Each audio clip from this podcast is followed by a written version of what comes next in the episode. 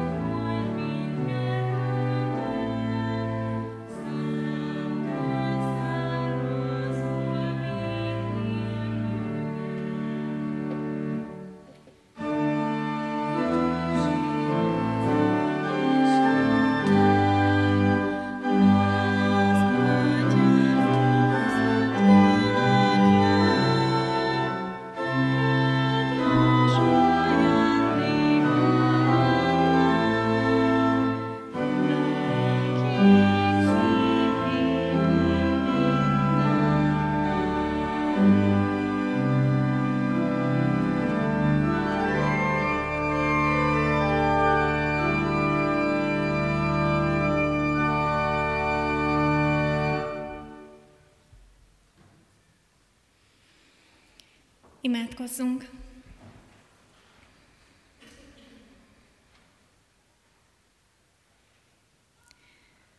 Urunk, lábunk előtt mécses a Te igéd, ösvényünk világossága. Köszönjük neked, hogy veled való közösségben, veled való elhívott életben ez a világosság és ez a fény ragyoghat a lábunk előtt. Köszönjük neked, hogy tisztítani, metszegetni akarod az életünket, és szeretnénk úgy eléd jönni ezen a vasárnapon, megüresítve önmagunkat, vágyódva arra, hogy meghalljuk a hozzánk intézett szavadat, üzenetedet, teted személyessé, egy személyes találkozásá veled. Áldunk téged azért, mert Urunknak és Istenünknek valhatunk. Áldunk téged azért, mert mindent a rendelkezésünkre bocsátasz ahhoz, hogy veled egy kiteljesedő életben járjunk. Amen. Kedves testvérek, hallgassuk meg együtt Isten igéjét, amint az ma este szólni kíván hozzánk. Lukács evangéliumának 14. fejezetéből, a 12-től a 15-ig tartó verseket olvasom. Azután szólt Jézus ahhoz is, aki őt meghívta.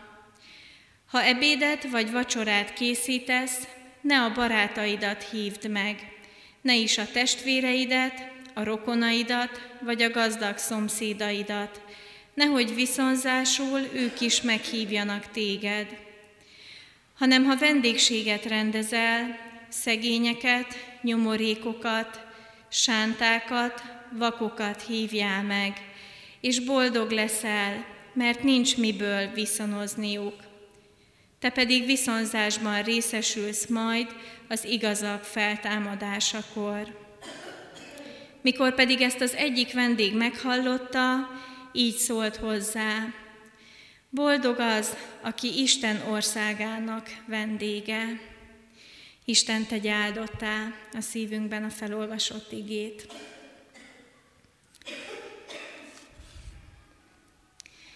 Kedves testvérek, bizonyára a jelenlévők közül is sokan láttuk a Keresztapa című nagyhírű kultuszfilmet. Néhány évtizeddel ezelőtt is hatalmas sikert aratott ez a film, de a mai napig beszéd téma nagyon sok tanulságot fogalmaz meg. És már az első tíz percében elhangzik egy kulcsmondat, ami a teljes trilógiát meghatározza, és úgy gondolom, hogy a mai világunkról is sok, sok mindent elárul. Vito Corleone, a keresztapa fogad hát egy, egy vendéget egy beszélgetésre, aki szívességet szeretne tőle kérni, és természetesen nyitott fülekre talál ez a kérés, és a válaszban egy kedves válveregetés kíséretében hangzik el ez a bizonyos kulcsmondat. Egy napon, ami el sem jön talán soha, majd én is kérek tőled valami szívességet. De amíg nem jelentkezem, ez az igazságtétel, legyen ajándék a részemről. Do dész, adok, hogy adj.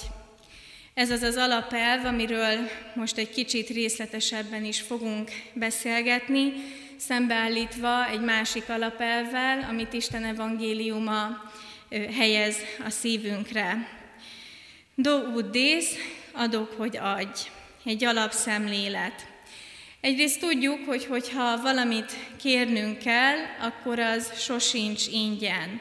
Sőt, sokszor azokban a dolgokban, amit ingyenesnek hirdetnek, mi magunk is kételkedünk, és bizalmatlanul állunk hozzá, Sokszor nem véletlenül, mert tényleg ez vagy a, az ingyenesség, vagy a minőség rovására megy, vagy pedig egy bújtatott elvárás van a háttérben, hogy tulajdonképpen nem ingyen adják azt, lehet, hogy nem pénzben fogják visszakérni a, az ellenértékét, de valami módon meg fogják kérni az árát. Miközben természetesen áldozatai is vagyunk ennek a szemléletnek, és ki vagyunk téve, nem tudjuk, vagy csak nagyon nehezen tudjuk kivonni magunkat a hatása alól egy bizonyos értelemben, Más szempontból viszont mi magunk is fenntartjuk ezt a rendszert, ezt a csereforgalmat a kapcsolatainkban és az életünkben. Adok valamit, és akkor én is várhatok majd a másiktól valamit. Nem kell persze szándékos rossz indulatra gondolni ez alatt, vagy anyagiasságra, vagy egyfajta ilyen zsaroló hozzáállásra, mint ha most ezt akarnám bebizonyítani, hogy valamennyiünk szíve mélyén ez él. Nagyon egyszerű dolgokra is lehet gondolni ez alatt, hiszen ez egy teljesen természetes dolog, hogy, hogy a sajátjaink felé húz a szívünk. Nyilván mindenki inkább a, a szeretteinek, a családtagjainak, a barátainak, közvetlen munkatársainak, szomszédoknak kedvezne, mondjuk egy ismeretlennel szemben. Nyilván megéri velük jóban lenni, így csúnyán szólva, ugyanakkor pedig ez, mondom, egy természetes szívünkből fakadó, akár mondhatni így, hogy szeretetből fakadó hozzáállás is lehet, akit szeretek, a felé szeretnék szolgálni, és annak akarok kedvezni. Érdekes, hogy a, az emlegetett Keresztapa című film második részében is így védekezik a keresztapának a fia már a bíróság előtt, hogy mikor számon kérik őt, illetve be akarják bizonyítani, hogy a, a család, amit így emlegetnek, hogy a család az tulajdonképpen egy maffia szervezet, akkor Michael Corleone azt mondja, hogy azzal védekezik, hogy ha valaki valakinek a keresztapja, akkor az egy annyira komoly családi elkötelezettséget is jelent egy, egyúttal, hogy a világ legtermészetesebb dolga az, hogy segítjük azt, akivel ilyen közeli rokoni kapcsolatba kerülünk. De hol van akkor ebben a hiba? Do dész, adok, hogy adj. Nyilván ennek a szélsőséges formái a legijesztőbbek és a legkönnyebben felismerhetőek, mondjuk amikor a, a családi kapcsolatokból kinő egy maffia szervezet, mint ebben a filmben, vagy amikor egyszerűen mondjuk a munkában, és ez a mi jelenünket is érinti, szembesülünk azzal, hogy csak protekcióval lehet előrébb jutni, hogy az a legfontosabb dolog, hogy ki kit ismer, és egyáltalán nem a rátermettség, a hozzáértés, mert az kapja a, a jobb munkákat, aki már régóta a haverom, vagy az, aki valakinek a valakie. Tehát ezt a nyílt megjelenést könnyebb felismerni, ez a szélsőséges formája, ez az a része, amikor kritikátlanul és már így kiteljesedve fogadjuk el ezt az adok, hogy adj elvet. De vannak ennek sokkal árnyaltabb megjelenési formái is, amik ugyanúgy nem kedveznek az evangéliumi elvnek, amiről kicsit később még szó lesz, a feltétel nélküliségnek. Az árnyaltabb megjelenési formájára egy példát hoztam egy ismerősöm életéből, talán így könnyebben befogadható vagy emészthető. Ez a fiatal lány azt vallja, és egy nagyon fontos elfként próbálja érvényesíteni az életében, hogy nagyon empatikusan közelít a, a környezete felé, és az egyik legfontosabb számára, hogy, hogy egyrészt ne bántson meg senkit, másrészt pedig egy ilyen állandó nyitottsággal és segítőkészséggel álljon rendelkezésére a körülötte élő embereknek. És ez nyilván egy nagyon szép és dicséretes elképzelés és elv, és mondhatom, hogy ő egyébként tényleg nagyon profi szinten űzi ennek a megvalósítását. Ugyanakkor a vele hosszabb, ha valaki vele hosszabb időt tölt el, mint mondjuk én, észre, kell, észre kellett vennem, hogy emögött az elképzelés mögött, ami egy ilyen nagyon szép csomagolás, nem csak arról van szó, hogy a másiknak szeretnék kedvezni, jót tenni, másikhoz szeretnék ilyen nyitottsággal odafordulni, hanem tulajdonképpen ezt a lányt annyira meghatározza a másoknak való megfelelés, hogy, hogy képtelen kilépni ebből az állandó igyekezetből, azért, mert retteg attól, hogy valaki rossz véleménnyel lehet róla, hogy valaki elutasítja őt, hogy valakinek a szeretete, szeretetét elveszítheti, hogy a másik ember megítéli. Tehát miközben van egy ilyen szép elv, amit ő maga val, és nem is meghazudtolni akarom, hiszen nyilván ez is lehet egy motivációja, hogy szeretne a másik kedvére tenni. Ott van az életében ez a másik nagyon mélyen gyökerező motiváció, hogy azért adok, azért sokszor már fárasztó módon próbálok segíteni a másiknak, aki mellettem van, akár van rá szüksége, akár nincs, mert annyira félek, hogy elveszíthetem valakinek a szeretetét. Adok azért, hogy elfogadjanak, adok azért, hogy szeressenek, vagy adok azért, mert szeretném elhitetni magamról, hogy, hogy egy önzetlen, önzetlen és segítőkész ember vagyok, és nyilván ezzel is bizonyos szociális hasznokat élvezhetek. Szóval ez a do dísz elve sok szinten járhat át bennünket, az esküvőnk alkalmával figyelmeztettek, hogy vezessünk részletes listát arról, hogy kitől milyen nászajándékot kaptunk és milyen értékben, mert ha eljön az ideje, hogy majd a mi barátaink is házasodnak, hát akkor nem illik kisebb értékű ajándékot venni. Ez egy jó tanács akart lenni, és mégis ezt az elvet fogalmazta meg ennyire, hát így anyagias módon. Szinte kihúzta a baráti kapcsolatokból azt a szeretet köteléket, ami egyébként egy ajándékozást meg kellene, hogy határozzon. Mert hogy az a jó, hogyha nem vagyok senkinek sem a lekötelezettje, inkább én kötelezzek le másokat, mint hogy rászoruljak valakinek a segítségére, ezzel kiszolgáltatva a saját életemet. Do dész adok, hogy adj. Tehát ez az egyik elv, ami az életünket és a világunkat olyan markánsan áthatja, amiről itt Jézus is beszél, és ő tulajdonképpen valami teljesen másra akarja ráirányítani a figyelmünket, Isten országának az elvére, ami teljesen más alapokon nyugszik, és ez a feltétel nélküliség. Adok, hogy adj, do dísz elvéből kilépve Jézus egészen nyíltan és jól érthetően fogalmazza meg azt, hogy olyanok felé kell fordulnunk, akik biztosan nem fogják tudni viszonozni. Adjunk úgy, hogy a bal kezünk ne tudja, hogy mit tesz a, a jobb. Adjunk azoknak, akikkel senki nem gondol, akikkel nem szívesen vannak mások együtt, akik nem fogják tudni ezt viszonozni. Nyilván ez nem a magasabb rendűségünk fitoktatását jelenti, hanem ez az evangélium üzenetének is a szívéből fakad. És ezt ez a vendég, a felolvasott ige szakasznak a vendége fogalmazza meg annyira találóan, hogy boldog az, aki az Isten országának a vendége. És ő ezzel beletrafál a lényegbe.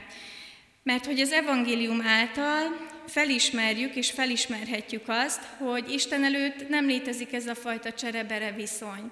Isten soha nem úgy ad, soha nem azért hív meg bennünket, hogy aztán szépen apránként visszakérje majd, amikor eljön az ideje, de lehet, hogy soha nem fog eljönni, ugye, ahogy Vito Corleone fogalmazott. Isten nem így ajándékoz bennünket, és azt szeretné, hogyha mi is ezt a példát mélyen a szívünkbe vésve tudnánk ajándékozó életet élni. És azért is ez a feltétel nélküliség, mondhatjuk, hogy az alapelve az Isten országának, mert aki az Isten országának a vendége, az biztos, hogy egyúttal fel kell, hogy ismerje, hogy tulajdonképpen ezt a meghívást én soha nem fogom tudni viszonozni. Tehát egyrésztről nem is várja el ezt tőlünk Isten, másrésztről pedig van egy személyes felismerés is ebben, hogy én soha nem fogom tudni kiegyenlíteni ezt a kapcsolatot. Soha nem fogok tudni annyit adni, annyit tenni, annyira jónak lenni, annyira sok Isten tiszteleten részt venni, és annyira sokat imádkozni, hogy kiegyenlítsem az Isten előtt ezt a, az adok-kapok viszonyt. Isten országának a vendégeként felismerjük azt, hogy valójában mi vagyunk azok, akiket Jézus itt emleget, mi vagyunk a szegények, a nyomorékok, sánták, vakok, a kis esetlenek és csonkabonkák, akik, akit az Isten mégis meghívott, hogy ő ezen a vendégségen és a vele való közösségben együtt legyünk, és nem is csak egy egyszeri vendégség részeként, hanem az örök életre nézve közösségben legyünk valakinek. Bár engem lehet, hogy arra tanítottak, hogy ne legyek soha senkinek az adósa, hogy érvényesülni egyedül kell tudni, hogy én is képes vagyok megtenni mindent, és jobb, hogyha ehhez nem, kérek senki, nem kérem senkinek a segítségét, de az Istennel való találkozásban felismerjük azt, hogy az örök életet és az új életet megnyerni, kiérdemelni soha nem fogom tudni Istennél. És ez sokakat lehet, hogy kétségbeesésbe dönt. Sokak számára ez egy hatalmas botrány, pont azért, mert annyira szeretjük bebizonyítani, szeretjük, szeretünk abban a tudatban élni, és ez nem is feltétlenül rossz, hogy én képes vagyok rá. De a mindenható és örök Istennel való találkozásban szembesülünk azzal, hogy igaziból kevesek vagyunk, kevesek vagyunk ahhoz, hogy örök életet nyerjünk, kevesek vagyunk ahhoz, hogy az összes hibánkat, az összes botlásunkat, az összes lázadásunkat kiegyenlítsük Isten elé előtt. És lehet, hogy eddig mindennél fontosabb volt elnyernem az emberek tetszését, vagy megfelelnem a nekem támasztott elvárásoknak, de Isten országának a vendégeként elnyerjük azt a szabadságot, hogy tulajdonképpen ezek csak mellékes körítései az életnek, hogy a lényege, hogy a magja abban van, hogy az Isten elfogadott engem, hogy feltétel nélkül fordult oda hozzám, és nem kell erőltetnem, nem kell ki erőszakolnom magamból azt, hogy más emberré váljak, mert ezt is ajándékként kapom az élő Istentől. És aki átéli ezt a fajta feltételi nélküliséget, hogyha így részesülök az Isten meghívásában, akkor tudok én is majd részesíteni másokat ebben a feltétel nélküliségben. Amikor át se suhan már talán a fejemen, a gondolataimon az, hogy én mit nyerhetek ki mondjuk egy kapcsolatból, vagy meg se fordul a fejemben, hogy hogyha én beletettem x százalékot, akkor vajon mennyit fogok kivenni belőle, és nyilván minimum annyit szeretnék. Az Isten meghívásában és ebben a feltétel nélküliségben megfürödtem, és átéltem ennek az örömét és szabadságát, akkor ez a feltétel nélküliség kezdi átformálni és áthatni az életemet szemben az adok, hogy adj elvével.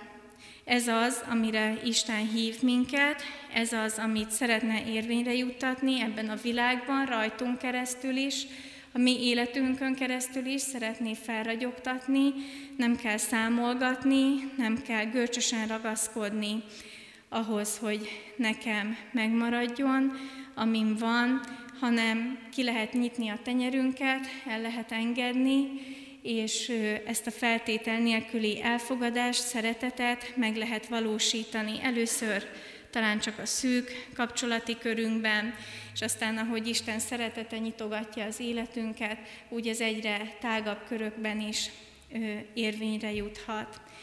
Adja meg nekünk Isten, hogy ebben a feltétel nélküli szeretetben és megbocsátásban így meg tudjunk gyökerezni, át tudjunk formálódni, és le tudjuk vetni magunkról az adok, hogy adj elvét, hogy ezt a feltétel nélküliséget felöltözhessük. Ez szabadít fel minket is az örömteli életre, és ezt tesz képessé arra, hogy mások felé is ezzel a feltétel nélküliséggel tudjuk hirdetni az Istennek a szeretetét.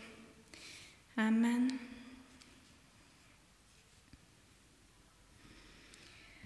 Az ige hirdetése válaszolva imádkozzunk.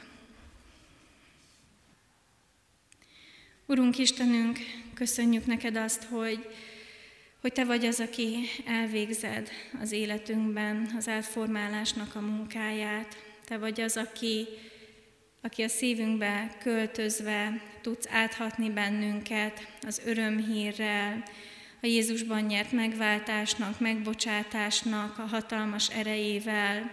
Te vagy az, aki felszabadítasz minket arra, hogy merjünk máshogy gondolkozni, máshogy dönteni, máshogy élni, mint ahogy azt akár a felmenőinktől, akár a környezetünktől tanultuk.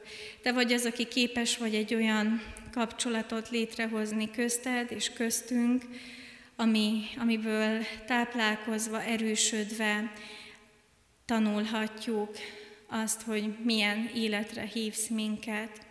Urunk, Te jól látod az életünket, tudod azt, hogy mik az igazán fontos dolgok számunkra, mi az, ami, amiért körömszakadtáig hajlandóak vagyunk harcolni, mi az, amit semmiképpen elengedni nem akarunk és nem tudunk.